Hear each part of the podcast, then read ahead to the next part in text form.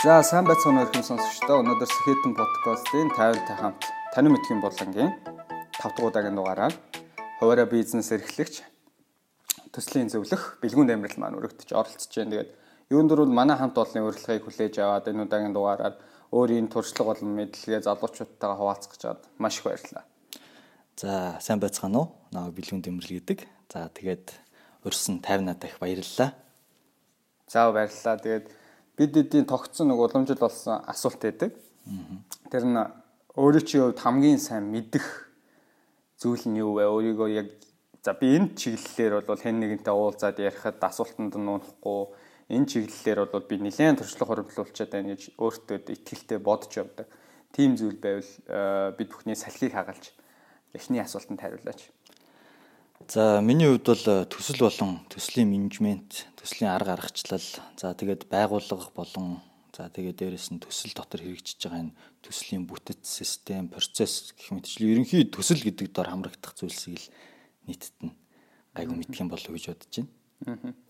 За тэгвэл тэр ч утгаараа өнөөдөр бит хоёрын одоо нэг цаг гаруй үргэлжлэхээ яриа маань илүү төсөл гэж юу юм, төслийн удирдлага гэж юу юм, энэ талаар ойлголтуудыг залуучуудад өгөх зорилго руу чиглэх байх гэж бодож байна. Тэгээд э, өөрөө чи хувьд одоогор хийж байгаа, гүйцэтгэж байгаа ажил нь одоо ямар ажил вэ? Тэгээд өнөөдрийн хүртэл магадгүй энэ чиглэлээр илүү туршлагатай гэж хэлж байгаа бол төсөл төсөл дээр ингээд ажиллах явцдаа хоримтлуулсан туршлага тэр болгоноос товчхон зүгээр өөрийгөө манай сонсогч нарт танилцуулаад за би яг ийм ийм хийцэн учраас өнөөдөр өдөр энэ дугаараараа та бүхэнд өөрийн туршлагаа хуваалцахад бэлэн байгаамаа гэдгийг илэрхийл илэрхийлж одоо нэг өөрийгөө товчхон танилцуулаач. За, юуны өмнө түрүүн хэлсэн хуваарь бизнес эрхэлдэг гэдэг. Эннээс өмнө болохоор дандаа төсөл дээр бол ажиллаж исэн. А төрөл бүрийн төслүүд дээр бол ерөнхийдөө ажиллаж исэн туршлагатай. За тэгээд дээрэс нь нөгөө төсөл бичнэ гэж ярьдаг те төслийн санал бичих тэзүү буюу техник эдийн засгийн төсөл бичих, судалгааны ажлууд. За тэгээ бүр өмнө нь бол оюутан байхдаа орчуулга морчуулга ажил гэдэг. Ингээд бол төсөлтэй анханасаа л холбогдсон байсан.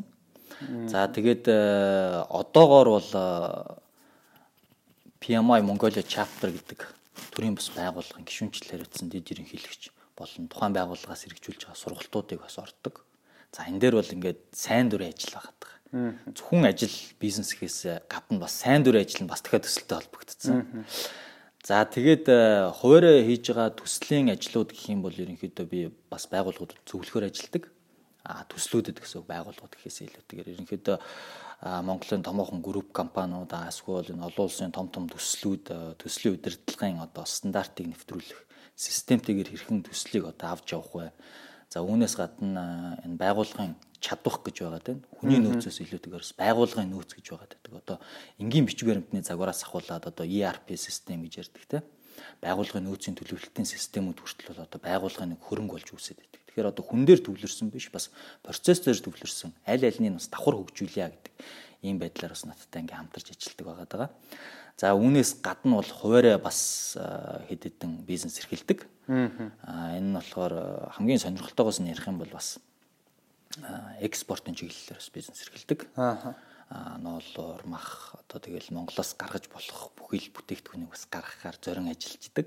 Аа бас гаргадаг байгаа даа. Сая ярианаас нь сонсож байхад бол төслийн удирдлага гэдэг зүйл бол Монгол улсад яг одоо бол маш их хэрэгцээтэй болоод олон улсын томоохон томоохон төслүүд хэрэгжиж эхлээд олон улсын хөрөнгө оруулалтыг татаад одоо нөгөө Монгол компаниуд чинь энэ төслийн удирдлага гэдэг энэ зүйлийг олон улсын стандартыг өөрийн компанид нэвтрүүлэх хэрэгтэй байна. Үүнийг дагаж мөрдөх хэрэгтэй байна гэдэг ойлголтууд бол их хүчин авч орж иж байгаа шиг. Тэр ч утгаараа маш олон компаниуд зөвлөх үйлчилгээ үзүүлээд хэрэгцээ байна. Тийм болохоор энэ төрлөөр мэрэгсэн Одоо өөрөө чи хувьд бол энийг бол маш олон жил ажилласан. За олон жил биш юм ахэд богино хугацаанд энийг тултал эзэмшсэн хүн гэж бол миний хувьд бодож байгаа. Тэгэхээр ийм мэрэгчлэтнүүдийн хэрэгцээ бол маш их байгааг бол өөрөө чи ярианаас бол анзаарэгдэж байна. Тэгэд хамгийн анх төслийн удирдлага гэдэг за төсөл гэдэг энэ зүйл рүү орох болсон шалтгаан нь юу? Юу танд нөлөөлөв? Ер нь эн чи их сонирхолтой байна. Үүгээрээ би цаашаа мэрэгчээд явах хэрэгтэй байна гэдэг бодлыг юу төрүүлэхэд нөлөөлсөн бэ?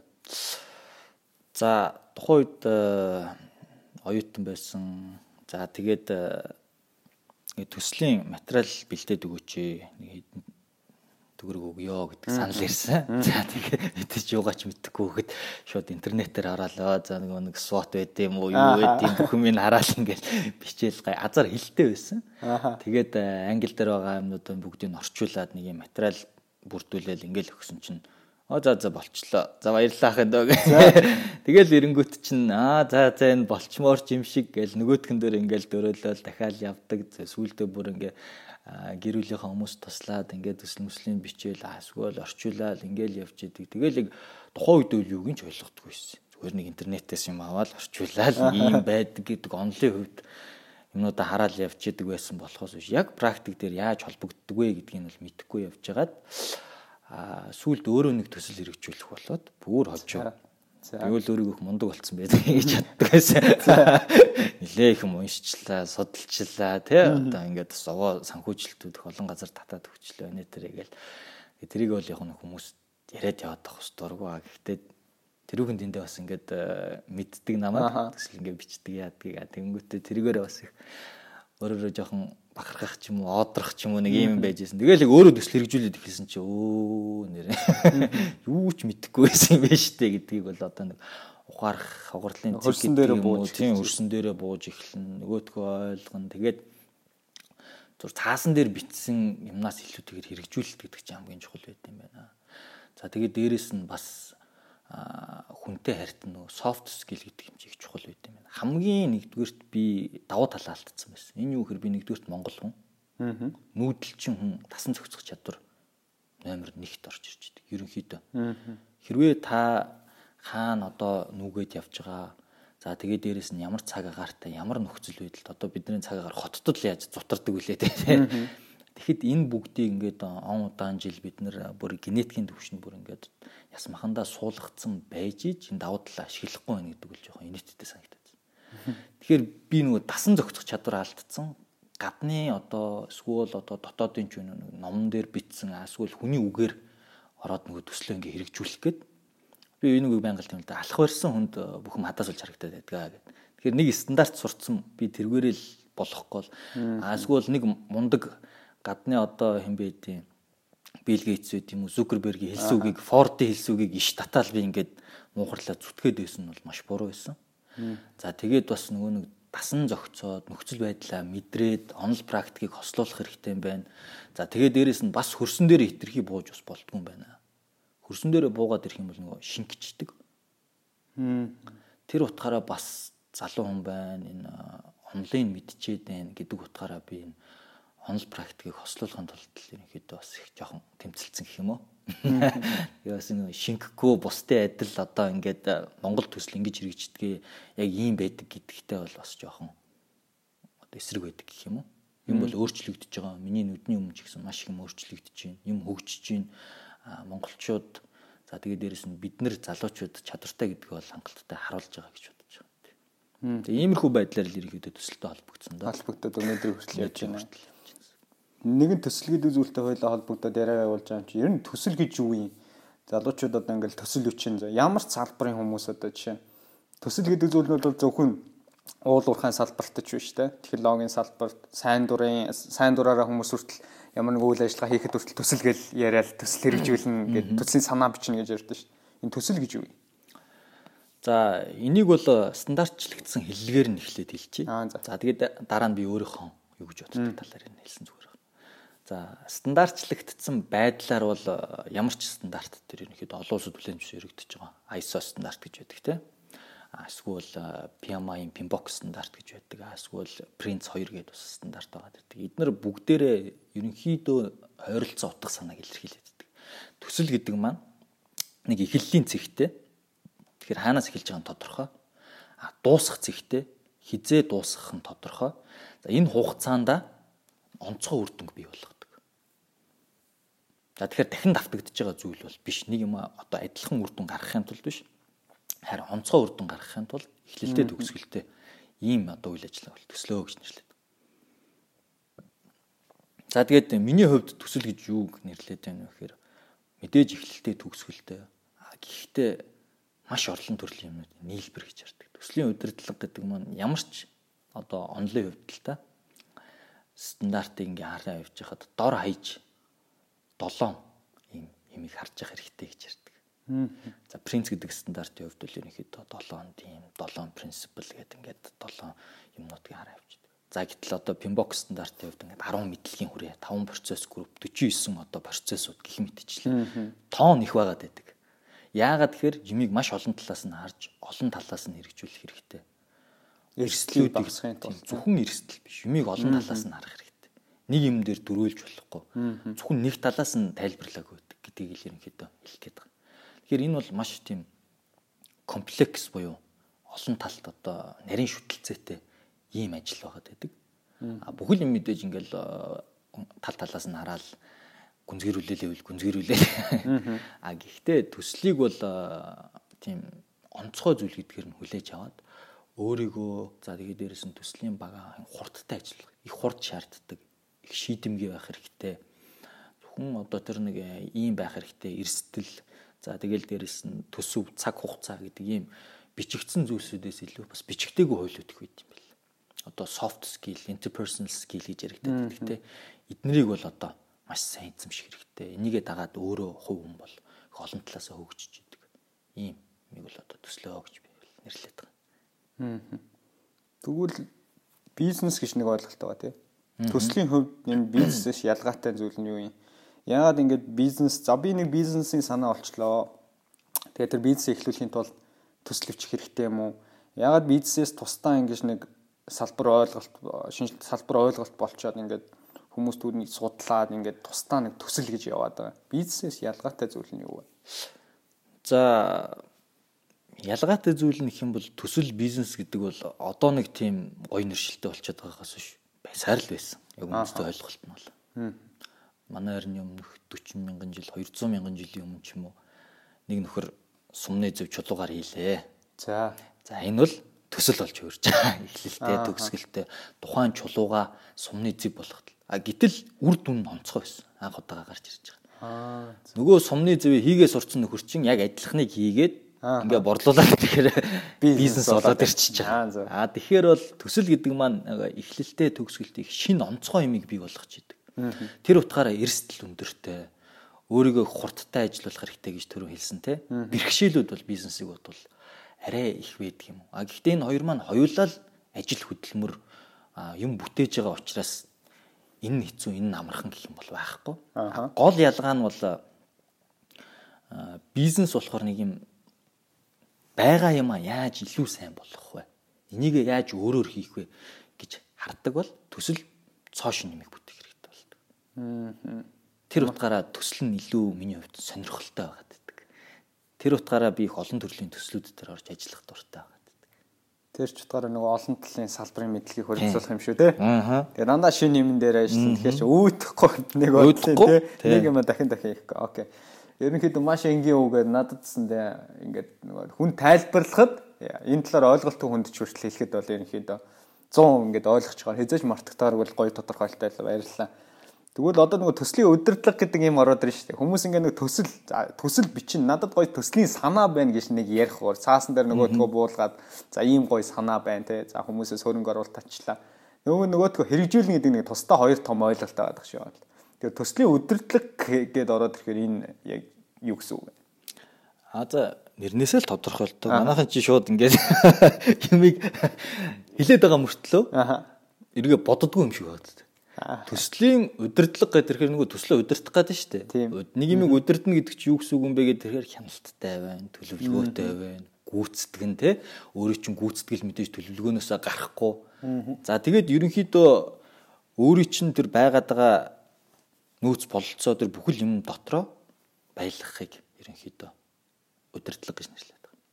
А харин төсөл бичнэ гэдгийг бол би ойлгохгүй Ягаад ягаад тэгэхээр төсөл гэдэг чинь өөрөө нэг онцгой үр дүн бий болж ирж байгаа тэр олон deliverable буюу үр дүнгуудын нийлбэр. Одоо барилгын төслийг бичнэ гэхээр тэр цаасан дээр юу гэж бичиж. Энэ бол зүгээр төслийн санал бичих гэдэгтэй гэдэг имийг одоо За юг мэрэндээ жоохон муугаар хэлэх юм бол одоо маркетингийн зорилгоор их ингээд э, одоо өндөр хэрэг моноцсон баггүй. Уг нь бол төслийн санал бичих гэж ярмаар байгаа. Англи үг нь ч гэсэн project proposal гэж ярьдаг тий. Тэгэхээр э, төслийн санал бичнэ гэдэг маань бол одоо их тодорхой сонсогдож байгаа тий. Төслийг хэрэгжүүлэхийн тулд одоо тэр нөөцийг хэрэгтэй. Тэр нөөцийг олж авахын тулд мэдээж санхүүгийн их усүр шаардлагатай болно. А тэр санхүүгийнхаа их усүрийг хангаж байгаа, хангаж болох үс тэр хүмүүс тэр очингуудаа надад ийм санаа байна. Төслийн санал байна. Энийг бодит байдал дээр одоо хэрэгжүүлэхийн тулд та надад тусалцаа үзүүлээч гэдэг саналаа. Тэгэхээр энэ маань бол одоо тийм хүнийг ятгсан байдалтай тий одоо нөгөө нэг ирээдүг нь харуулж за тэгээд ийм ийм ийм боломж бололцоо байна гэдгийг харуулсан бичгээр байгаа гэдэг. Аа. За харин төслийн удирдлага гэдэг нь маань бол мэдээж санал нь батлагдаад тодорхой болоод санхүүжилт нь ороод ирсэн дараагаар тухайн бодит ажлыг үл удирдах. Нөгөө би өөрийнхөө хувийн туршлагыг ярьжсэн. Би бол нөгөө төслийн санал их бичээд байсан хүн байсан. Өөрийгөө төсөл бичиж чинь гэж бодоод байсан. Яг ороод ирсэн чинь нөгөө нэг сайн сайхан панаалдаж панаалдаж битсэн юм аа ингээд гарын салаагаараа урсгаад юм уу өөрөө ажиллаа хэрэгжүүлж чадахгүй нүд бол нэгдүгээр жоохон готомшигтэй байсан. Хоёрдугаар тэр утгаараа хүнийг ус хурцулж өгдөг. Бол бууж өгөхгүй ингээд сурах хэрэгтэй гэдэг. Энэ дээр бол одоо угаасаа нэг тийм learning curve гэж явдаг те сурах процесс маань явагдаад ингээд сураа явсан. Тэр одоо хэсэг дээр би их сайн ойлгосон л та төслийн удирдлага гэдэг чинь санаа биш одоо тэр нөөцийг үдийг л ерөнхийдөө хамгийн гол удирдах юм байна. Нөөцийг яаж оновчтой ашиглах юм гэдэг. Энийг л одоо төслийн удирдлага гэж нэрлэдэг юм л та. Зөв зөв. Тэгэхээр төсөл бичин ихээс илүүтэй төслийн санал гэдэг зүйлийг бол боловсруулж гаргаж ирээ. Гэхдээ тэр төслийн санал гэдэг зүйлээ боловсруулж явах явцад тухайн За одоо энийг ажлыг би иймэрхүү хугацаанд хийнэ гэдэг одоо төлөвлөгөө за иймэрхүү хэмжээний хөрөнгө санхүү орох юм байна гэдэг зүйлүүдэд боловсруулсан байх шаардлагатай юу? Эсвэл зүгээр санаагаа маш сайхнаар илэрхийлээд гаргаж ирээд за сонгуульчлалт татсан хоноо яг тэр төлөвлөгөөгөө бичих хэрэгтэй юм уу?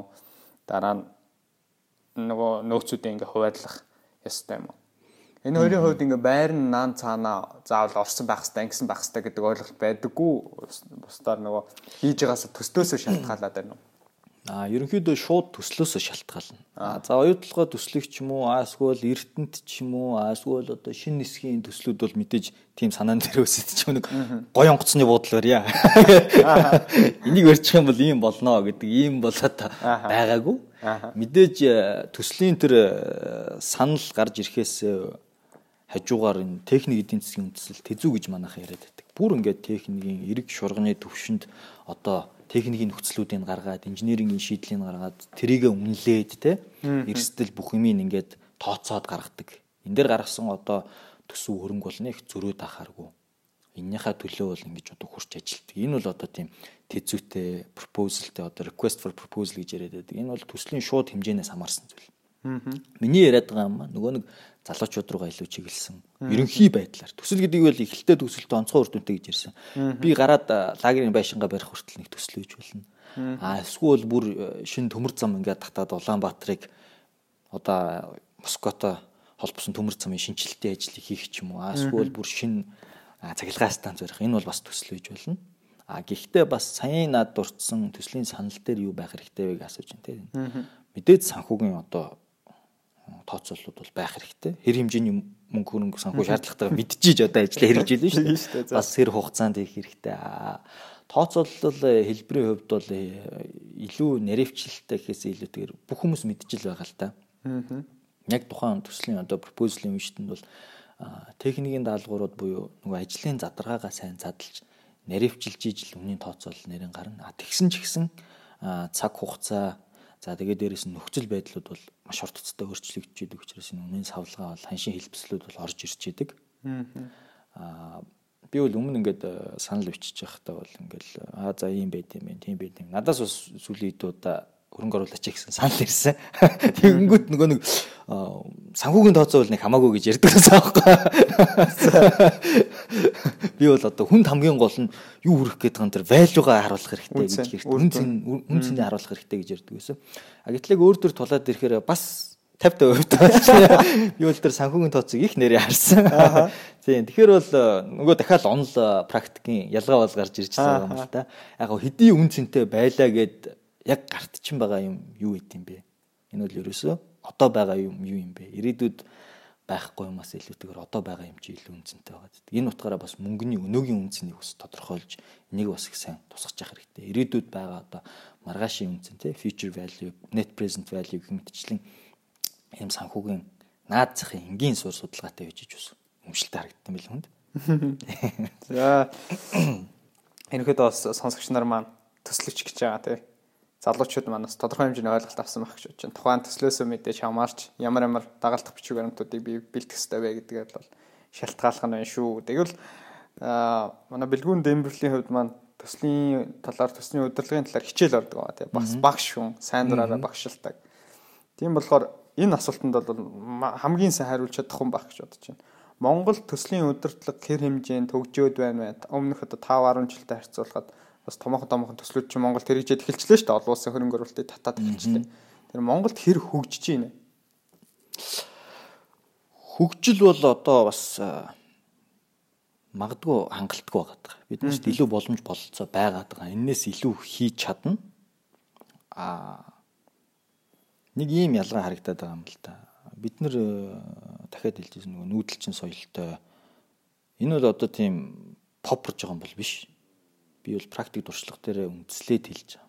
Монгол хүмүүс арай өөр гэдэг. Арай амдаа. Ягаад тэгэхээр магадгүй хүн өссөн газраа са хамаарад ингээд өөр болчдөг юм байл л те. Бид нар чинь тийм онцгой нөхцөл байдал төсөж байгаа байхгүй. Одоо бидний амьдарч байгаа цаг агаар өөр. Энэ техник технологид ямар хурдан танилцж байна. А магадгүй манай дараагийн хойч үед бол арай өөр болох байх л та. Одоо нөгөө нэг бүх техник технологи хөгжсөн юм нь бэлэн юм ингээд төрж байгаа хүмүүс өөр болчихно. А ирлиз хөгтөд байдаг те. Ямар ч үеж болно. Монгол хүн шүү дээ бүгдээрээ. Монгол цустай Монгол өссөн л бол монголчуудаас ялгаагүй байгаа. Яг энтэй цус нь ямар байх нь хамаагүй. Өссөн орчин. Өссөн орчин. Тэгэхээр монголчууд юмыг хурдан сурахыг шаарддаг, дасан зохицох байдал их шаарддаг ийм газар байгаа. Угаас уур амьсгал нь хатуу. Мэдээж яг хоо генетик юм бол бас жоохон байна. Тэгээд ирэнгүүт манайхан маш хурдцтай юмыг сурдаг. Төслийн менежмент бол маш хурдцтай хөгжиж байгаа энэ сайн дурын багшлах ажлаа би бол одоо нэг 3 жилийн өмнө эхэлсэн үү те. PMI Mongolia chapter гэдэг байгууллага төрийн бас байгууллага 5 жилийн өмнө байгуулагдаад за энэ маань болохоор энэ олон улсын PMBOK гэдэг стандартыг бол ингээд нэвтрүүлдэг. Энэ стандартын дагуу бас олон улсын байгууллагууд Монголд одоо байгаа ихэнх газрууд энэ стандартыг одоо гарын авалгаа болгоод энэний дагуу бол одоо төслөө хэрэгжүүлдэг байна. Тэгэхээр энэний бас олон улсын зэргийг аваад ингээд хүмүүст хичээл ордог болсон. А ингээд бол э, энэ зэрэгтэй хүмүүсийн тоо бол намайг анх авч яхад нэг 10 хүрдгүү 10 дөнгөж гарч ирсэн үү яасан юм байгаад байсан. Одоо бол 50 60 гаруй болчиход байгаа. Инхээр бол хүмүүсийн чадах маш хурдцтай нэмэгдэж байгаа. За тэгээд э, нүдний өмнө л одоо оюутлогод тэр анх ямар байсан. А бусад одоо энэ банкны салбаруудад ямар байсан, барилгын компаниудад ямар байсан. Энэ хүмүүс бол төслийн удирдлага тийм ухамсарлчаад байгаа. Хэрэгцээ байна гэдгийг харчаад байгаа. А гэхдээ хангалттай хэмжээнд бол ажиллаж чадахгүй байгаа. Нөгөө өөрчлөлтийг өөрөөсөө гэдэг шүү дээ. Энийг бол манайхан зарим итгэх санаачлагтай хүмүүс нь харчаад байгаа. А гэхдээ гэрээ засаад бие засаад төрөө зас гэдэгтэй бие засаад гэрээ засаад төрөө зас гэдэг энэ системээр явахад байгууллагууд нь одоо илүүсэн харж эхлэх хэрэгтэй байгаа. А зарим байгууллага харсан ч гэсэн бас хувь хүний хандлага гэдэг юм бас зарим тохиол дутах одоо юм бол байгаа. Аа гэхдээ би бол э, сэтгэл хангалуун байдаг гэж бодож байгаа. Ерөнхийдөө бол хурдцтай хөгжиж байгаа. Бид нэр хизээч нэг нэгэ муулж болохгүй. Хизээч нэг нэг ийм байна гэж хэлж болохгүй. Бид нар чинь цөөх арт юм шүү дээ. Дээрээс нь маш их нэг үнцэрхэг үзэл гаргаад байгаа юм биш. Бодит байдал ийм байгаад байгаа нар бол илүү хурцтайгаар хөгжих хэрэгтэй. Энэ менежмент арга барил гэдэг юм мэд хэрэгтэй. Бидний техникийн мэдлэг бол нэлээд давгүй төвшөнд л хүрчээд байна. А гэхдээ дангаараа гүйцэтгэхээс илүүтэйгээр яаж баг хамт олон болж ажиллах вэ гэдэг юм их сайн судлах хэрэгтэй байна. Хөгжил бол биднэрт ингээд баг багаар урдстай бид бүхэн хөгжиж байгаа. Тэгээд үүн дээр бас ингээд хөгжихэд хамгийн гол нөлөөлж байгаа хүчин зүйлүүд нь сүүлийн үед хэрэгжээд байгаа Монгол улсад хэрэгжээд байгаа томоохон томоохон олон улсын төслүүд авах гэж бодож байна. Тэр энэ одоогор Монгол улсад хэрэгжиж байгаа томоохон төслүүд гэж дуртах юм бол ямар ямар төслүүд байна. Тэгээд энэ төслүүдийн улс одоо ингээд төслийн удирдлагт Монгол улсад хөгжихэд бол мэдээж үнэтэй хөв нэмэр оруулж байгаа шүү дээ. Үүнээс гадна тухайн орны залуучуудад одоо бид бүхэн залуу хүмүүс ямар үнцнийг авчирч байгаа бол өөрийн чинь хувьд ингээ харж байгаа.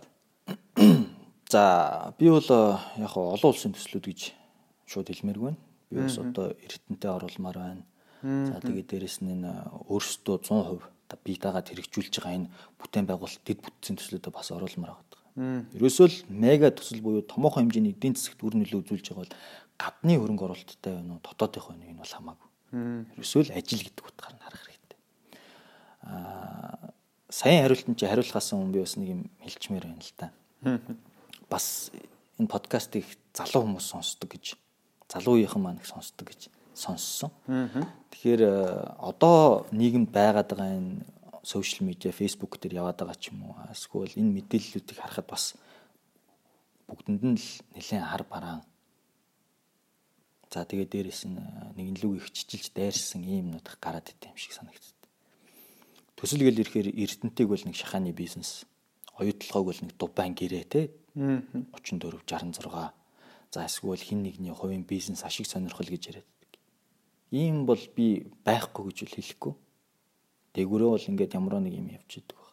А би ч гэсэн өөрөө тэгж боддог байсан. Оо энэ Эрдэнэт дээр ингээд нэг юм юун соёлтой.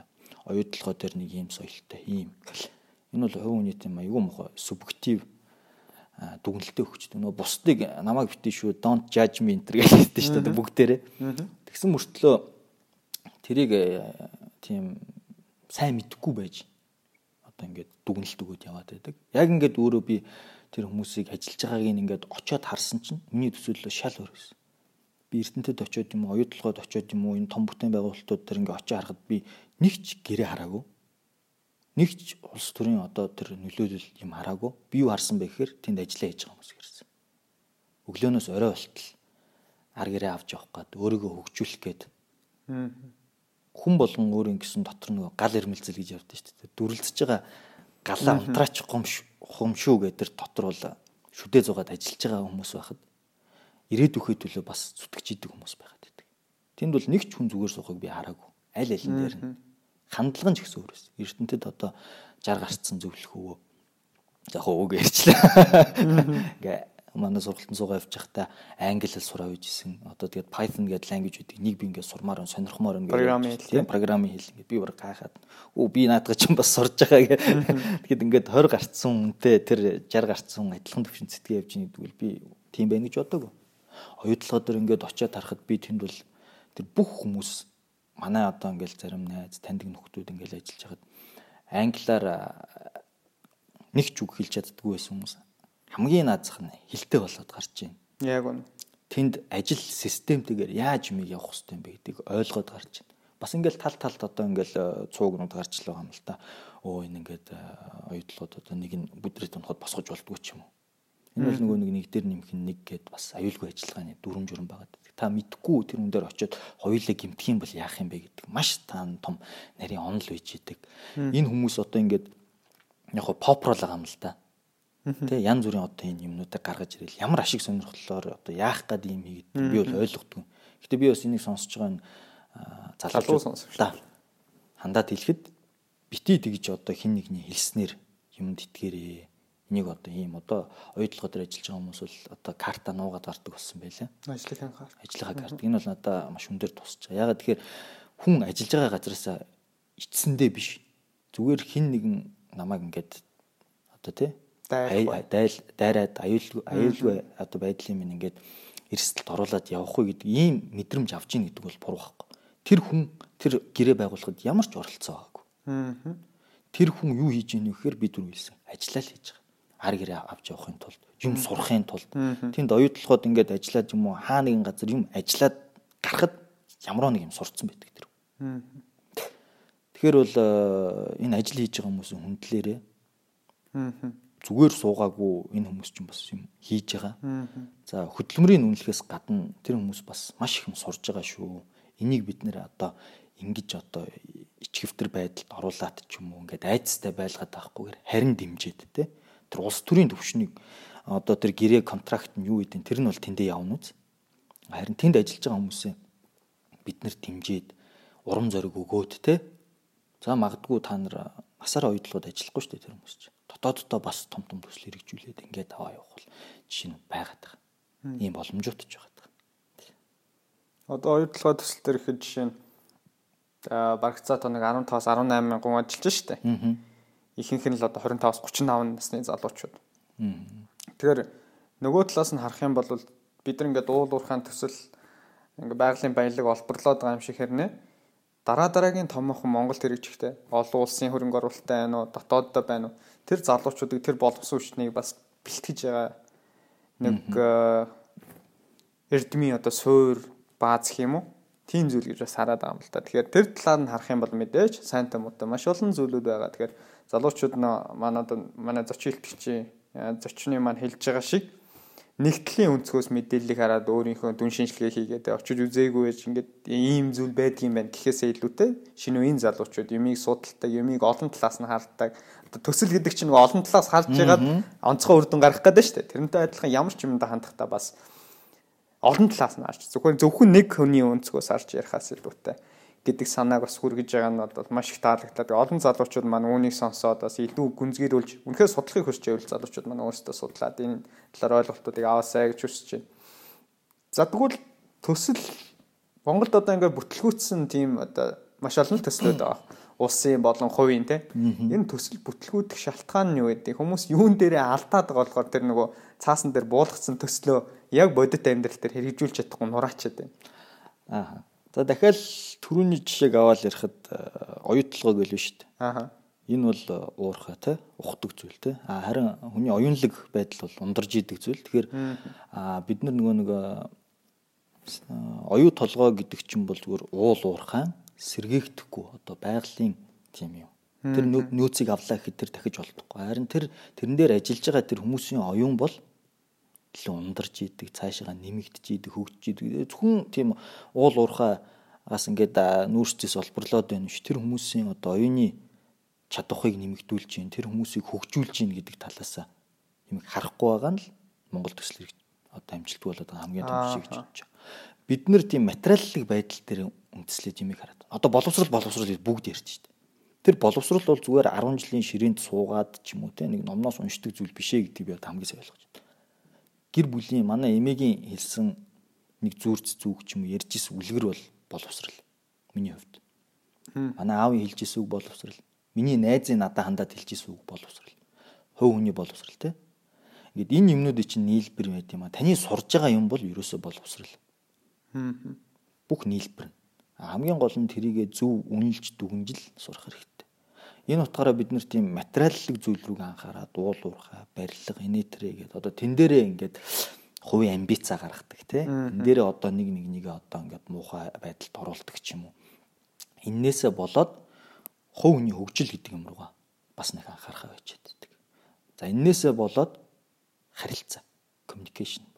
Ерөөсөө л төслүүд яагаад номер 1-т амжилтгүй болдог вэ гэх юм бол communication буюу харилцаан дээр тэр төлөвлөгөөг тэр эдийн засгийн үндэслэлийг тэр инженерчлэлийг хүн л гаргаж байгаа. Компьютер бол гаргаагүй шүү дээ. Компьютер ашиглаад хүн гаргаж байгаа. Шийдвэрийг хүн гаргаж байгаа. Тэр оюутлогын гэрэн дээр хүн гар өсөг зурсан.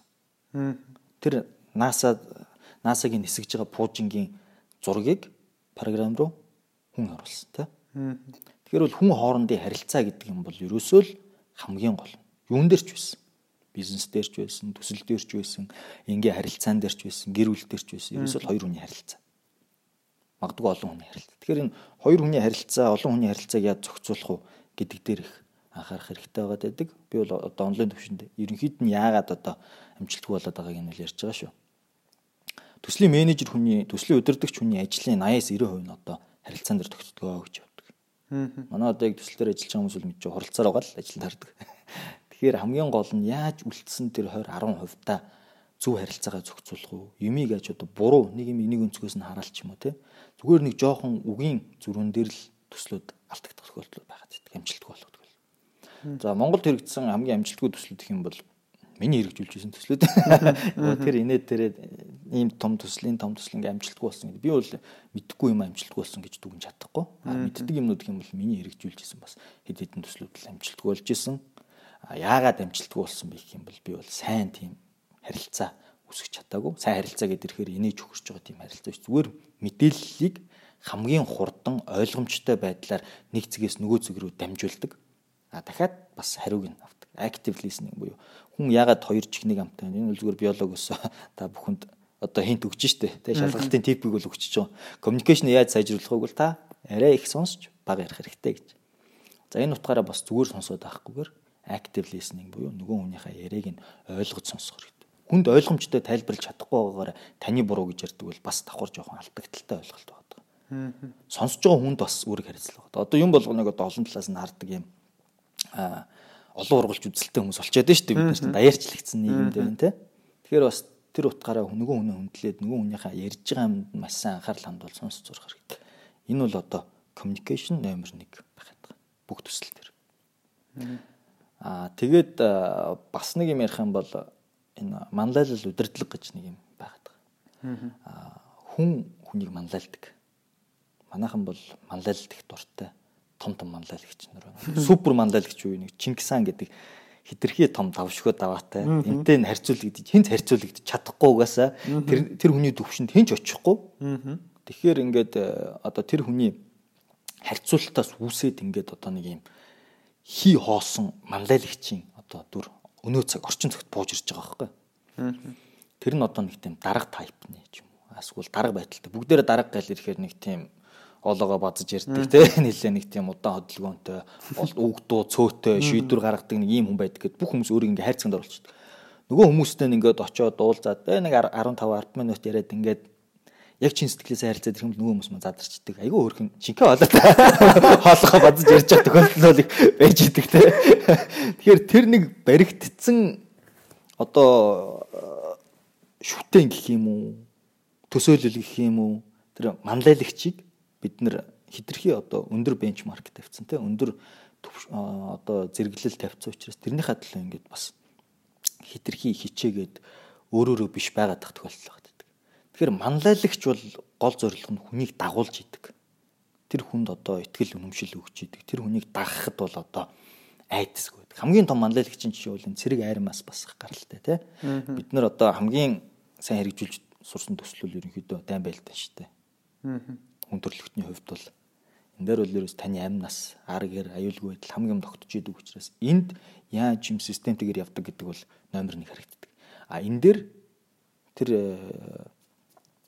одоо байлдж байгаа цэрэг дайчдаг удирдах байгаа хүн бол манлайлагч байдаг. Харин тэр хүн нэг нэгэндээ зөвхөн тэр дарга цэрэгтэй ч биш. Бүгд хооронд аягүй ихтгэлцээ. Зэвсэг нэг дахан дүүс нэтэрэ гэж ярьдэн шүү дээ. Энэ маань болохоор нэгдүгürt ихтгэлцэл communication. Би юу ч хийсэн чамд итгэн чи юу ч хийсэн надад итгэж. Яагаад тэр бид нэг зорилгын төлөө явж байгаа.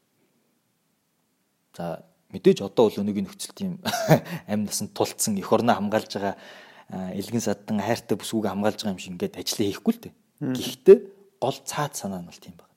Бие биендээ нэгдүгээр итгэлцэлтэй хоёрдугаар communication сайтай тий. Гол зорилго нь тодорхой байх хэрэгтэй. А нөгөө талаас удирдлага гэдэг бол баг хамт олныг удирддаг. Системтэйгээр одоо төслийн удирдлага, багийн удирдлага энэ төр гэдэг бол магадгүй энэ дунд чинь нэг буруу шийдвэр гаргах эсвэл ингээд хүн хүн юм юмыг өөрөөр хардаг те өөрөөр ингэсэн харах өнцөгтэй өөрөөр ингэсэн ажиллах арга барилтай эдгээр яаж хамтд нь нэг тэрэгний одоо дугуй шиг те эсвэл нэг цагны механизм шиг ингэж уялдаа холбоотой ажиллах вэ гэдэр хэрэг удирдлагын онолыг гаргадаг байдаг.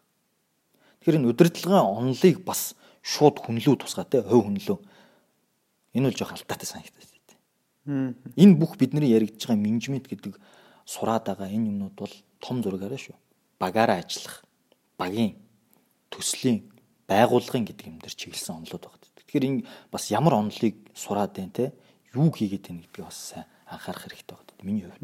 А хувь хүнтэй бол те багийнхаа нэг гишүүнтэй ярьж хахад эсвэл өөрийнхөө одоо төслийн менежертэй ч юм уу төслийн удирдгчтэй ярьж хахад бол та манлайл гэдэг юм харж байгаа хэрэгтэй. Тэгэхээр энэ хоёрын бас ялгааг нь сайн ухаж ойлгоогүй энэ хоёрыг бас интернетээс магадгүй нэг гуглдж хараад менежментийн нэг онл харангуйтай нөгөөтгөө одоо доор ажиллаж байгаа нэг хүн лүгээ те удирдлагын онлоо ингээд шахаад ч юм уу хажуудлын одоо энэ үнийг монитор хийх хэрэгтэй ингэх хэрэгтэй гэсэн. Иймэрхүү байдлаар харьцсанаасаа болоод жоо алдаа гаргацсан юм шиг бол санагтаад. Тэгээд тэр гаргасан алдаанаас болоод төслүүд амжилтгүй болдог гэж боддог. Харилцаа бол маш чухал байна шүү төслийн. Төслийн менежер гэдэг зүйл энэ үний бас өөрөөр ойлсон дээ тухайн төслийг амжилттай болох хэсэгт бол хамгийн том оролцоотой юм шиг сонсогдож байна. Тэгэхээр жинхэнэ төслийн менежер байхын тулд тэр байр суурин дээр очихын тулд ямар төрлийн ур чадваруудыг биелүүлэх үү эзэмшсэн байвал шилдэг жинхэнэ менежер болж чадах бай. Аа. Энийг бол э, хүн болгон л төслийн менежер Аа. гэдэг ойлголтыг би өгөхийг хичээсэн. Ягаад тэгэхээр э, одоо энэ подкаст ихэнд би хэлсэн тийм. Эхлэлтэй төгсгөлтөө онцгой өрдөн. Юу ч байж болно. Тэгэхээр хүн болгон төслийн менежер гэсэн үг. Хүн болгон ямарваа нэгэн төслийг хэрэгжүүлж идэг. Аа тэгээд яг онлын хувьд дахиад тань стандартчлагдсан байдлын хувьд энэ маань болохоор стандарт гэдэг нь маань best practice буюу тэр сайн дуршлагыг он удаан жил хоримтлуулад алдаад үтцсэн хүмүүс нь эсвэл энийг амжилттай хэрэгжүүлсэн хүмүүсийн одоо тэр үндсэн дээр үүссэн зүйл байгаа. За энэ дээр юу гэж тайлбарлаж ийм хэрэг төслийн одоо сайн төслийн менежер хүн бол нэгдүгээр төслийн менежментийнхаа онлын мэдлэгтэй байх. Техникийн мэдлэгтэй байх хэрэгтэй тий. Хамгийн гол нь тэр мэдлэг гэхээсээ илүү чадвартай яаж ашигладгийг сайн мэдэх хэрэгтэй. Одоо би Microsoft Project Project гэж яриад байдаг. Яг очиод тэрэн дээр ажиллаж чадахгүй юм хэрэгтэй. Optimization, оновчлол эсвэл одоо симуляц хийх чадвартай гэл яриад л яриад л би очиод тэр симуляц хийж чадахгүй бол яах вэ? Энэ бол одоо хамгийн нэгдүгээрт байх хэрэгтэй. За дээрэс нь менежмент онлын талаар. За хоёрдугаарт нь тухайн хийж байгаа юмныхаа талаар сайн мэдэх хэрэгтэй. Бизнес стратегийнхаа талаар. Алсыг харддаг, төлөвлөгөө сайтай. За тэгээд дээрэс нь яг юу хийх гэж байгаа тухайн тэр төслийнхаа талаараас техникийн талаар нарийн мэдлэгтэй байх хэрэгтэй. Тэгхгүйгээр бол бас зөвхөн менежментээр хангаад бол ялангуяа Монголын нөхцөл байдалд бол бас явахгүй. Одоо барилга гэхэд барилгын сайн одоо инженерчлэлийн мэдлэгтэй те юу яаж баригддаг энэ төрийг бол сайн мэдэх хэрэгтэй гэсэн үг. За тэгээд дээрэс нь манлайлагч байх хэрэгтэй. Та бол удирдлагын онолыг бол хаанаас зураад хаан ч ингээд гаргаад явах боломжтой. Энэ бол одоо өгөгдсөн, заацсан зүйл. А манлайллыг бол мэдээж хуухын тус бүртэн нэг бүрчлэн зааж сургаж идэг. Тэгээ хувь хүн тус бүрийг манлайлж идэг. Тэр утгаараа төслийн менежер бол төслөө удирддаг, төслийн бага удирддаг байхад бас төслийн багийн гишүүд манлайлж явах хэрэгтэй. Тэгэхээр энэ гурван чадвар юм бол одоо нийлбэр огтлцол дээр сайн төслийн менежер үүсдэг болов гэж бодож байна. Төслийн удирдлага гэж бит бит хоёр түрүүн ярьсан шүү дээ. Одоо тэгвэл ингээд төслийн менежерээр бол маш олон төслүүд дээр ажиллаж үзсэн байх гэж бодож байна. Тэгэхээр төслийн удирдлага болон энэ төслийн менежер гэдэг энэ үүрэгрөө л зүгээр хувь хүний чинь амьдралд зүгээр ажил гэхээсээ илүү өдөр тутмын хийдэг хувь хүний чинь амьдрал дадал зуршил чинь ямар байдлаар нөлөөлсөн бэ? За би бол хоолой стандарт судалсан тэр ингээл юмнуудаа ингээл ярьлаа шүү дээ тэр. Тэр олон улсын стандартууд тэр хамгийн багтаа одоо нэг нь ингээл 7 10 юмнуудыг харах хэрэгтэй 49 процесстой 7 димтэй нэ тэр бүх төрлийн юмыг ажиглаж хард сурсан. Энэ ажил гэдэг үл ерөнхийдөө одоо сериозны бүх юмыг хүн дээр хүлээж аваад ингээд хийгээд байхгүй ч гэсэн жоохон хүлээцтэй байх юмыг одоо ууж тавь харна гэж ярьдэн шүү дээ. Том зургаар нь харуулж сургасан юм да хамгийн гол нь. Тэгээд төслийн менежмент төр сурсан арга барилууд хүнтэй харьцах харилцааны одоо софт скиллүүд бас төлөвлөгөө цагийн менежмент бол дахиад миний амьдрал гэдэг төсөлд би бол одоо энэ төслийг бол авч явж байгаа төслийн менежер, спонсор, стейкхолдер юу гэдэг юм бүхэл хүмүүсийн нийлбэр шүү дээ. Тийм шүү дээ. Тэгэхээр энэ амьдрал гэдэг төсөл дээрээ бас хэрэгжүүлэх гэж хичээдэг. А гэхдээ дахиад л нэг онл практик хоёр зөрөх тохиолдлууд их байна. Хүнд хүнд хэцүү нөхцөл тохиолдно, хүн шантарна. Аа магадгүй бас буруу байдлаараа ч юм хүн жоохон сэхэх тохиолдол байна.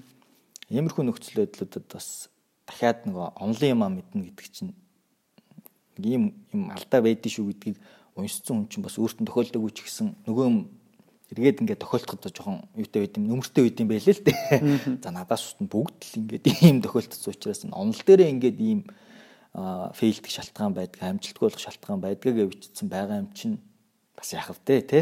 А энэний эсрэг бас ийм хийж болох юм байна гэдэг үл мэддэг гаргаагаад өгсөн, бичээд өгсөн байдаг учраас бас нэгдүгээрт онлайн сайн мэднэ гэдэг чинь нөмөртэй сэтгэл зүйн хувьд те совын талаас ийм байдаг юм бэл.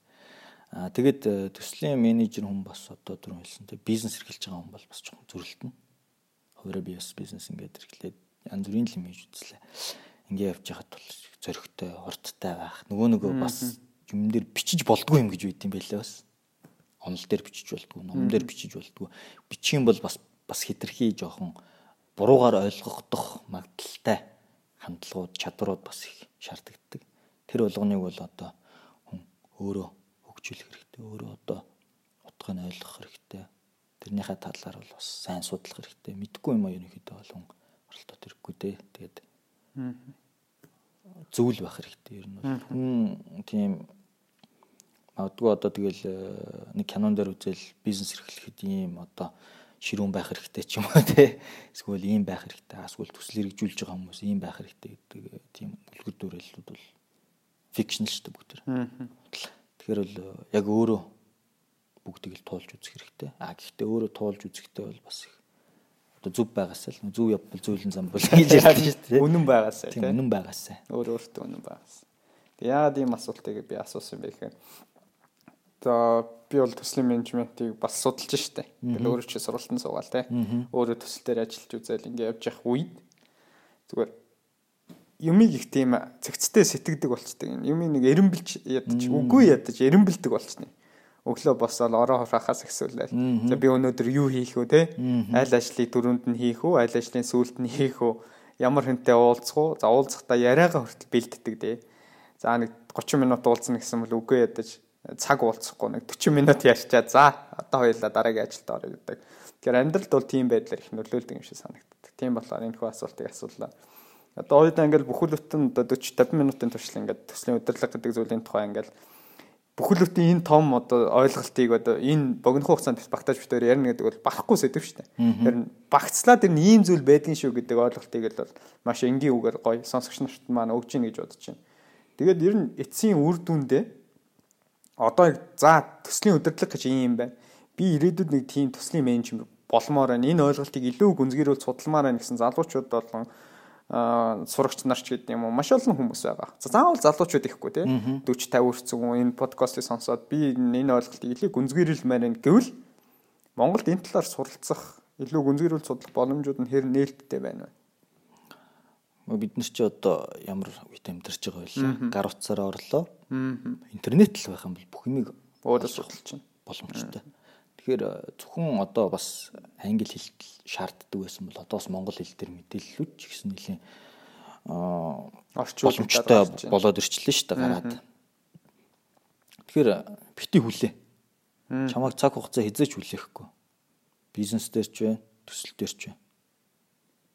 Тэгэхээр э, шууд магадгүй энэ подкастыг сонсоод төслийн менежмент хэрэгтэй юм байна би төсөл дээр ажилламаар юм гэж бодож байгаа шууд Google дээр project management гэж хаагаад юм уу төслийн удирдлага гэж хаагаад хамгийн түрүүнд юу гарч тэрийг унш судал. Онлоо төсөл хоёр бол их хол зөрүүтэй. А гэхдээ тэр хоёрыг бол бас ойртуулж болдог. А тэр хоёрыг ойртуулахын тулд бол таны хичээл зүтгэл шаардлагатай. А тэгэхээр шууд судалж ихэл бас шууд ерөнхийдөө хэрэгжүүлж эхлэх гэсэн үг. Сурсан мэдсэний хэрэгжүүлэхгүй бол тэр бол зүгээр хоосон яриа. Яг. Тэр бол ямар ч хэрэг байхгүй. Тэгэхээр э, хамгийн түрүүнд одоо уншаад судал, маш сайн судал тэр судалсан юм а шууд хэрэгжүүл алдаанаасаа суралц. Хамгийн сайн багш бол та өөр өөртөө. Хүний алдаа гэдэг бол хамгийн сайн багш. Амьдрал гэдэг бол хамгийн сайн багш. Тэгэхээр тэрнээсээ нэгдүгээрт суралцаж эхэл. Тэгээд э, өөртөө жоохон ихтгэлтэй л байсан тэр. Гэтэ өөртөө хит итгэлтэй бас байгаад муухарлаад байж болохгүй. Хүлээцтэй имийг сайхан том зургаар нь харддаг. Тэгээд хөдөлмөр гэдэг бол одоо ямар ч тохиолдолд үр шимээ өгдөг зүйл. Энийг үл ерөөсөө хүн болго мэдж байгаа бах. Би бол одоо ингээд олон талаас нь мотивацлаад яриад ямар ч шаардлага баг. Зүгээр хөдөлмөр бол хизээч хизээд үр дүн төрөгдөг зүйл байна. Тэгэхээр бол та хэрвээ нэг юм хийя гэж бодчих юм бол эсвэл хэрэгтэй байна гэж бодох юм бол тэрний хөдөл хөдөлмөрлөх хэрэгтэй. Хэрэгжүүлэх хэрэгтэй, хийх хэрэгтэй гэдэг чинь ялч чухал бол байна л та. Тэгэхгүй одоо мянга подкаст сонсоод одоо нөгөө инфлюенсер буюу нөлөөлөгч хүмүүсийн мотивашн урам зориг өгдөг хүмүүсийн яриаг сонсоод би ингээл 50 60 мянгаар очиж тасалбар худалдаж аваад нэг лекцэн суугаад нэг гоё болчлоо гэдэг нэг үзэг бариад нэг юм хийхгүй эхлүүлэхгүй л бол тэр ажиллахгүй л ах хэвээр. Тэгээ Виктори яриг сонсоод бас энэ хүн гоё ойлголт авчаал хий гэснээр маргааш нь эхлэхгүй л бол Виктори яриг сонссны яриг хөөрөшгүй л байна тийм болохоор хөдөлмөрлөх хэрэгтэй хийх хэрэгтэй гэдэг бол бас залуучуудад өгөх гоё мессеж байна. Тэгээд энэ дээр би түрүү нэг тодтогоод нэг юм асууж байсан. Төслийн менежер болохын тулд ямар ямар ур чадваруудыг эзэмших хэрэгтэй вэ гэдгсэн шүү дээ. Тэрэн дээр одоо сүүлийн үед хүмүүс нэг ийм ойлголттой болчиход байна л та. Манлайллын талаар маш их яриад сая хуулийн хөдөлмөр гэдэг зүйлийг нэг цухас дурдаад орхилоо. Бүгд л би нэг манлайлагч болохын тулд нэг soft skill буюу мэдрэмжийн ур чадваруудыг ингээ би эзэмших ёстой юм байна гэд нэг жоох ингээ хөвөөд байгаа юм шиг санагдаа. Гэтэл сая жинхэнэ төслийн менежер болохын тулд би техникийн ур чадваруудыг эзэмших ёстой гэдэг үгийг хэлж штэ. Зүгээр манлайлах ур чадвар байгаа тэр ажиллахгүй. Үгүй ядаа програм дээр ажилладаг, үгүй ядаа нөгөө өөрийн дор ажиллаж байгаа хүнийхээ өгсөн мэдээллийг уншиж чаддаг. Тайлангийн нөгөө менежер уншаад хаана алдаан яваад байна те? Яагаад төсөл ингээ удаашраад байна? Санхүү нь хаана алдагдaltaй байна гэдэг уншиж чаддаг байхын тулд техник ур чадваруудыг эзэлсэн байх шаардлага зайлшгүй байх хэрэгтэй байна гэдэг ойлголтыг авлаа. Энэ дээр нэмээд залуучууд энэ чиглэлээр одоо би сурыг энэ чиглэлээр судалъя гэж байгаа хүмүүсийн хувьд өөр мэрэгчлээ заавал ингээ хослуулад аваад явахыг явахыг илүүд э, үзэх үү залуучуудаа тэг санал болгох уу зөвхөн үүн дээрээ төвлөрөөд явхад одоо магадгүй ирээдүйд хоолоо олоод ид чинь энэ чиглэлээр явхад бол ирээдүйд зах зээл нээлттэй байна. Монголд энэ чиглэлээр мэрэгсэн хүмүүсийн хэрэгцээ бол ирээдүйд илүү өснө гэж хэлэх үү? Эсвэл хослуулах хэрэгтэй ийм тим гээд бол би одоо талтыг хардаг далайлан биш гэж ярьдаг тийм бүх юмыг хов хүний одоо нөхцөл байдлын ур чадрын мэдгүүр дүнэлт өгөхөд хэцүү байна. Аа гэхдээ энэ тухай бол би хэд хэдэн бас хүмүүстэй ярилцсан. Монголд байгаа томоохон компани төслийн удирдлагын газрыг хариуцаад явж байгаа төслийн захирлуудад бол бүгдэнтэй нь ярилцсан. Манайхан бас ч гэсэн ерөөд ингээл надаас надаас л гэж байнга л асуудаг л да. Аа тэр хүмүүсийн хэлж байгаагаар миний хувьд ч гэсэн нэг одоо санал нийлж байгаа зүйл бол техникийн мэдлэг олж авахд жоохон цаг хугацаа их шаарддаг. Одоо магадгүй инженер гэдэг мэрэгжлийг барилгын инженер болохын тулд эсвэл IT-ийн одоо програм хөгжүүлэгч developer болохын тулд та энэ менежментийн чадварыг суралцгаасаа илүүтэйгээр арай их хугацааг зарцуулж магадгүй. Энэ бол одоо техникийн нарийн юмнууд байгаа. Харин менежментийн чадварыг бол яг давхар хөгжүүлээд явах боломжтой зүйл гэж би бол хардаг. Аа магадгүй хөгжингүү одоо орнуудад ч юм уу те манай Монголд ч яагаад би ингэж хэлж байна гэхээр олон юмыг зэрэг хийх шаардлага гардаг. За тэгээ дээрэс нь бас хүний хүндлэл олж авч иж ажиллаа хийдэг. Та нөгөө ажил гүйцэтгэж байгаа хүнээсээ илүү мэдчихэж тэр хүн таны хүндлэл нөхөөс биш. А менежментийн талаар нь сайн мэдлэхэд аа энэ инженерийн чиглэлээр юу ч мэдэхгүй нөхөр энэс би яадаг. А эсвэл энэ програм хангамжийн талаар юу ч мэдэхгүй энэ нь яг миний дээр ингэ ажиллаад байгаа. Энэ ягаад намайг удирдах байгаа гэдэг хандлагаар орчдөг учраас хамгийн нэгдүгээрт манай одоо Монголд ажиллаж байгаа төслүүд бол бас хүндлэл дээр явагддаг. Энэ хүнийг юм мэддэг, чаддаг гэдэг дээр үндэслэж хүндэлж ийж бас их нөгөө манлайлал маань давхар бий болж байдаг. Тэгэхээр техникийн нөгөө хувийн мэрэгжлээ сайн эзэмш. Төсөл рүү бол та тухайн мэрэгжилдэг холбоотой төсөл рүү бол ороо явуул. Энийхээ дараагаар төслийн удирдахч болоод ингээд төгжөө явах бол боломжтой. За тэгээд бас магадгүй энийг 10 жилийн хүүхдүүд сонсч иж магадгүй тэ подкастыг та нар э, энэ синус косинус эсвэл интегралыг дахиж харахгүй тригонометр тий калкулус гэж яриад байгаа энийг дахиж харахгүй гэж бодож байна. Үгүй. Би ингээд салах хэсгээд баяртай гэж. Би л яг санхүүгээр бизнесээр төгссөн учраас бас тоотоо жоохон зурлцсан л та. А гэхдээ нөгөө энэ интегралийн сунжирсан гонжирсан дээр тэмдэглэгийг хизээч харахгүй гэж бодож ирсэн а тэгээ бас нэг үр дүнтэй жоохон биш гэж бодож байсан. Хизээ энэ би дэлгүүрээс одоо юм бодолдож авах та интеграл авах юм уу? Тэгсэн чинь төсөл хэрэгжүүлээд үтсэн чинь би тэр төсөл дээр ажиллаж байгаа хүний амь нас, ар гэр энэ бүхэн тэр интеграл зөв авахаас хамаарч байна гэдгийг л ойлгосон. За дээрэс нь би тэр статистикийн distribution тэр bell curve энэ төр гэл байгаа. Аа. Магадлалыг тооцоолохдоо би. За тэгээ дээрэс нь санхүүгийн зөв тооцоолол энэ нарийн тооцоолол калкулус гэж ерөнхийд нэрэд байгаа юм да тригонометр те. Энэ нарийн тоонуудыг тоон дотор энэ үсэг зөхиод борж ирнэ гэж те. Энэ тоон дотор үсэг оруулж иж би өөрийнхөө олох орлогыг нэмэгдүүлж ингэж би талхаа олж идэж байна ингэж би хин нэгний амийг авч явж байна гэдэг ийм юм бас сүулт орж ирсэн. Тэгэхээр ашиглагдахгүй биш ашиглагдана. Энийг зүгээр ашиглаж чадж гинэ үгүй гэдэг тэр л одоо ялгаа нь харагдаж байгаа. Тэгэхээр би бас 10 жилдээ боддог байсан. Манай багш интеграл авснараа чи зардлаа хэдэн хувиар өсгөөд те илүү мөнгө олох боломжтой шүү. Эсвэл хин нэгний амь насыг ч юм уу ингээд авраад хин нэгнийг аюулгүй зөвхөн одоо амь нас байдаг юм ахэд хуруугаараа таарчихгүй хүн шиг осол гэмтэлд орчихгүй хүн шиг ингээд үнийг аваа явах боломж байна гэд магадгүй тайлбарлсан бол эсвэл тэрийг ойлгоцсон байсан бол би бүр илүү сураад явж байгаа ч байсан. А тэгээ илүү сурж явсан бол магадгүй төслийн менежер статистикч ч юм уу эсвэл агчир бол явцсан байж магадгүй те. Ийм л байна. Тэгэхээр ерөөсөө л урдах байгаа юмаа сайн хий. Урдах байгаа сайн юмаа хийж чадахгүй жиж эсвэл урдах байгаа юмаа ингээд бэлэн байгаа юмаа сураад явахгүй жиж өөр юм руу шилжин тэрийг сайн сурна гэдэг бол бас хэцүү. Хамгийн гол нь аа би үнэнч байдал, сайн байдал гэж ярьжсэн те. Энэ маань болохоор бас өөрийгөө уурахгүй байх. Өөрийгөө эзэж ч уурч чадахгүй. Нөгөө цэрэг айрам гэж ярьжсэн. Спортыг бол дахиад хүмүүс эзэж уурч чадахгүй. Нөгөө төмрийг эзэж уурч чадахгүй гэдэг чинь фитнес жимд явлаа эсвэл тулааны урлагаар хичээллээ гэж бодвол та эзэж тэрийг хурч чаддаг юм бэл. Угаасаа чадахчгүй. Тэгэхээр өөртөө үнж сахилга баттай байх хэрэгтэй. Дисциплин гэж нэг ярьдаг. Мотивац түр ярьсан шүү дээ. Жохон богино насжилттай байх би ч гэсэн ингээл хорол цуглаанд очдөг. Хүний үг сонс TEDx гэлээдэг. Тэрний одоо бүгдийг сонссон бах уу. Тэр TED TED гээл орой болгоныг хоёрыг сонсож байгаа. Айгүй мотивацлагдчихлаа боддог. Нөөр өрдгөө. Энийг хэсэг тийм байсан. Ингээл өөр аа байна бичлэг юм. Пөө энэ мундаг хүмүүс л бас дотоодынхоо хүмүүс юм. Мундаг бизнес эрхлэгчтэй.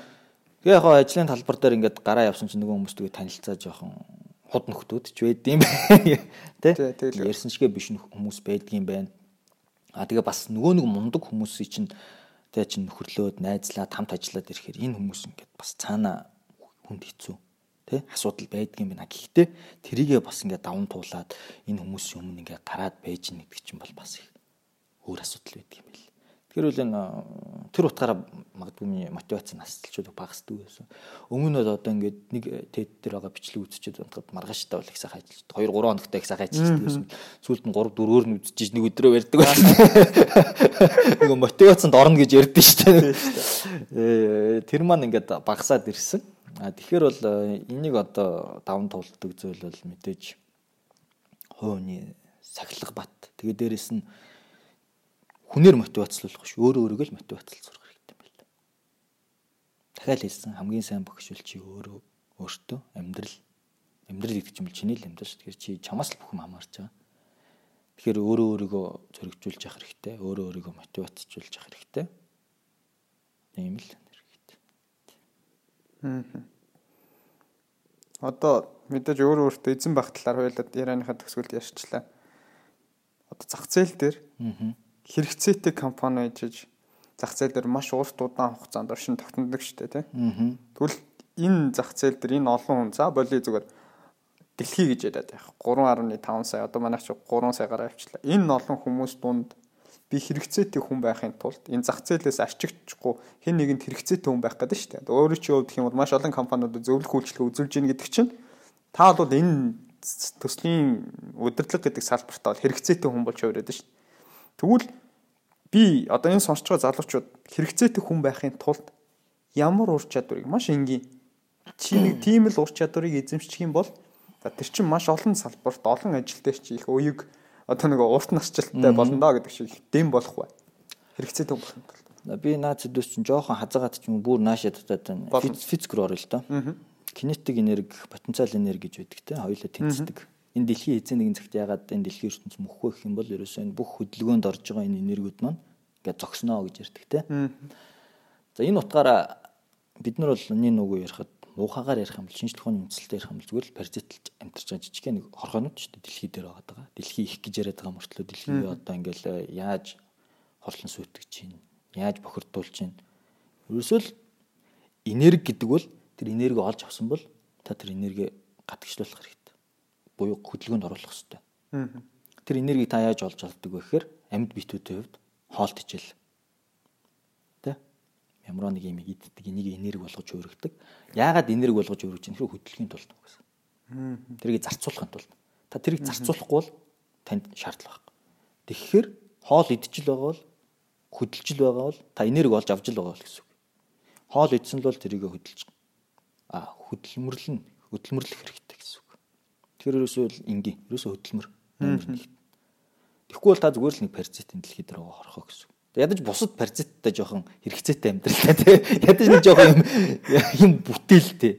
Тэр энэ би бол одоо кофе уугаа сууж байна л. Энэ кофег уучлаа хэд би ингээд зүгээр өтгөн шингэн болгоод гадагшлуулахгүй. Аа. Инний цаана энэний үрийг тарих гад Этиопод хэдэн гэрвэл яаж ажилласан. Энийг санхүүжүүлэх гээд Германд ямар компани санхүүжилттэй босгоо яаж явж гин усын энэ аягын хийж гин эдгээр чинь бүгдээ л бидний коллектив хөдөлмөрийн үр дүн багхгүй. Яг. Тэгэхээр ингээд нэг имийг авчаад энэ бол одоо бүр паразитуудаа паразитлж амьдарч байгаа жишээ байхгүй. Зүгээр л дэлхийгээ паразитлал амьдрал ингээд сайхан дуусч тий. Тэгэхгүй бусад паразитуудаа паразитл энэ кофег зүгээр би уучингуудаа ингээд түтэн шингэн болгож байгаа юу ч хийхгүй байгаа гэдэг нэг л миний хувьд тийм өөрөө өөргөө доромжилж байгаа байдлаа гэж бол хардаг. Тэгэхээр та хоол идсэн л бол хөдлөх хэрэгтэй, хөдөлмөрлөх хэрэгтэй. Зүгээр хөдлөх хөдөлмөрлөх хэрэгтэй. Тэгэхгүй бол бидээ ямар нэгэн тийм хэрэггүй хор өвчин худалдаж авна гэж ярьдаг те. За тэгээд дээрэс нь тэр хүмүүсийн хөдөлмөрийг шулж ил байна гэсэн үг. Та мөнгөний өгсөн бай хамаагүй. Тэр бол зүгээр тэр энергийг шулж амьдарч байна гэсэн үг. Гэхдээ та хизээ чи нэгний энергийг шулж чадахгүй. Ягаад тэгэхээр физикийн хувьд бол энэ батлагдсан зүйл. Хоёр энерги тэнцлээ олдог байхгүй. Тэр та магадгүй хөдөлмөрлөхгүй тэр энерги хадгалах юм бол сайн бордоо болж магадгүй. Дэлхийд шингэлтэй тий. Ургамал дараа нь тэр утгаараа магадгүй окей. Гэхдээ хамгийн гол нь бол хөдөлмөр бол маш чухал. Би хэлмээр. Энгийн бөгөөд маш гайхалтай янзтай дог хариултаа тэгэхээр өөртөө өмнө сонсож байгаа. Энэ одоо залуучууд маань өнөөдөр яг энийг одоо за ямар цаг үе сонсч болно вэ? Сонсонгуудаа ямар ч зэн тэгээ хоол идсэн бол нөгөө энерги зарцуулахын тулд ямар нэг юм хийх байх гэдэг итгэлтэй. Олон залуучуудын дэвтэр дээр бичигдэж үлдэх гоё тодорхойлолт байлаа. За ингээд битүүрийн хувьд бол баг цаг гар хугацаанд ярьсан байна. Тэгээд ярианыхаа төгсгөлд маш олон зүйлийн тухай ярьлаа. Залуучуудад бол надад миний хувьд бол маш том ойлголтуудыг өгөхөөр нөгөө урт удаан хугацаанд би бол энийг богино хугацаанд биш урт удаан хугацаанд бас нөгөө настай орон зөрөг өгөх яриа байлаа гэж бодож байна. Тэгээд ярианыхаа төгсгөлд миний хувьд асуугаагүй үлдээсэн 51 тэр асуултыг асуусан бол би сонсогч нарт тэр талыг нэмээд нэг хэлхийг байсан юм да гэж үлдээсэн тийм зүйл байгаа бол тэрийг би үлдсэн энэ подкастын хугацааг өөрчнүүлтээ залуучуудад энэ подкастоор дамжуулж төгсгөлт нь яг ямар мессежийг хүргэхийг хүсэж байна. За би бол ерөнхийдөө мессеж бүхэл бүтэн цагийн турш хүргэлээ гэж бодож байна. Хамгийн гол нь тэр хүмүүс яаж хүлээж авах вэ гэдэг л байгаа. Тэгэхээр түрүү хэлсэн те би юмыг ойлгомжтой тайлбарлах та биш. А нөгөө хүмүүс маань бас хэр сонсож авч байна гэдэг дээр бол байгаад байгаа. Тэгэхээр миний ярьсан ярианаас юм хүлээж авах хайхтаа биш. А өөрөө өөрөөсөө бас сонсоод дүгнэлт хийгээд Тэгээд мэдээж нөгөө нь хөдөлмөр гэж төр ярьсан те. За тэгээд дээрэс нь зөв амьдрах хэрэгтэй гэж ярьсан. Ирээдүй бол мэдээд сайхан байна гэдэгт бол би итгэж байгаа. Энэ бол худлаа зүйл биш. Оюутлогоо дээр ч гэсэн Улаанбаатарт ч гэсэн хаанч байсан энэ төслүүд дээр гарч байгаа хүмүүсийн одоо бүтээл за тэгээд дээрэс нь энэ өөрчлөлтүүд бол нүдний өмнө бол харагдаад байгаа. Миний хувьд. Ямар байсан хүмүүс ямар болж өгч Оюутлогоо зориул чи ажилтдаг хүн сайн мэдж байгаа да одоо суперинтендентүүд тий гадаад л хүмүүс байдаг байсан экспатууд. Одоо ихэнх нь Монгол болчихлоо. Нэр 5хан жил юм шүү дээ 5хан жил юм энэ хугацаанд. Аа годомжин дээр та нар наадам ч юм уу тий 5 жилийн өмнө наадам тэмдэглэж ирсэн шинэ жил тэмдэглэж ирсэн яаж хог нөглөрдөг байла байхгүй юм сайжрал бид нар хамгийн гол нь ингээд улс төр юм байна, юм байна гэж муухагаар яриалгаа хэлээлгаа стресстэй байгаа мөртлөө юм хийгээл байгаа хүмүүс. Тэгэхээр илүү сайхан хийхийн тулд одоо бид нэр ингэж хар буруу PR явуулснараа бас эрүүл мэндийн хувьд өөрсдөө сэтгэл зүйн хувьд жоохон хордуулад байгаа юм л та. Хордуулахгүйгээр зүгээр явцгаая л гэж хэлмээр байгаа хамгийн гол. Тэгэхээр жоохон эрэг хандлагатай. Юмыг сайн сайхнаар хүлээж аваад тэгээд ялангуяа энэ залуу хүмүүсийн хувьд бол их сайхан ирээдүй байгаад байгаа. За тэгээд бити бас хитрхи тэнгэрт нисээрээ онл те практик байхгүй юмнуудыг сонсвол хөрсөн дээрээ бол буун угаасаа татаж болгоно амьдрал. А гэтээ буухта би бол бүрийг таг хөрсөн дээр бол хөрснөөс доош бол бууж үтсэн. А гэхдээ буцаад гарахдаа бол би хөрснөөс арай дээгүүр явж байгаа гэж бодож байгаа. Ийм л энэ. Аа. За тэгээд урилга өгсөн 50-да баярлалаа. Ааха. Тэгээд бид бүхний урилгыг хүлээж аваад өөрийн үнэтэй туршлага цаг цагийн хугацаанд хуваалцсан маш их баярлалаа. Зөвхөн 50 гэлтгүү 10 мянга, 20 мянга, 30 мянга, 40 мянган сонсогч нарт энэ удаагийн яриа бол хүрнэ гэдэгт итгэлтэй байгаа. Тэгэхээр тэр хүмүүс цаашлаад дамжуулаад бас өөр олон хүмүүс санал болгож өөрийнхөө эндээ сонсоо ойлгосон зүйлүүдэд хуваалцах байхаа гэдэгт итгэлтэй байна. Тэгээд эерэг байх гэдэг дээр төсөл дээр нэмээд хэлэхэд эерэг байхаас гадна манай залуучууд асуудлыг бас олж хардаг. Болохгүй байгаа зүйлийг олж хараад тэрийг илэрхийлждэг. Гэтэ тэр асуудал бухимдаад стресстгээс илүүтэй ийм асуудал байна. Тэгээд шийдэл байж болох юм а гэж шийдэл ярьдаг. Тэгээд тэрэндээ оролцоотой одоо ихтгэгчийн маань хэлснэ. Хөдөлмөрлцгөө шийдлээ гаргаж ирцгээ. Тэгээд тэр асуудлыг шийдэхин тулд өөрсдөө хөдөлмөрлцгөө оролцоотой бай гэдэг зүйлийг нэмж уриалмаар санагдлаа. За ингээд Сэхэтэн подкастын 50-тай хамт танин мэдгийн болон 6 5 дахь удаагийн дугаар маань энэ түрээд өндөрлөж байна. Хэрвээ энэ удаагийн дугаар тань таалагдсан бол магадгүй манай хамт олон дийлгээс санал хүсэлт байх юм бол өөрийн Instagram хуудсан дээр энэ хүү подкастыг скриншот хийгээд 50 цэг би гэсэн миний Instagram хаягийг меншн хийгээд та бүхэн стори хийж болно, пост хийж болно, би бүхэн лөө мессеж илгээж болно. Тэгэх юм бол та бүхний санал хүсэлтийг би бүхэн үргэлж нээлтээр хүлээж авах болно шүү гэдгийг хэлхэн зүйтэй хаа. Ингээд дараа дараагийн дугаараар дахин уулзлаа. Түр баяртай.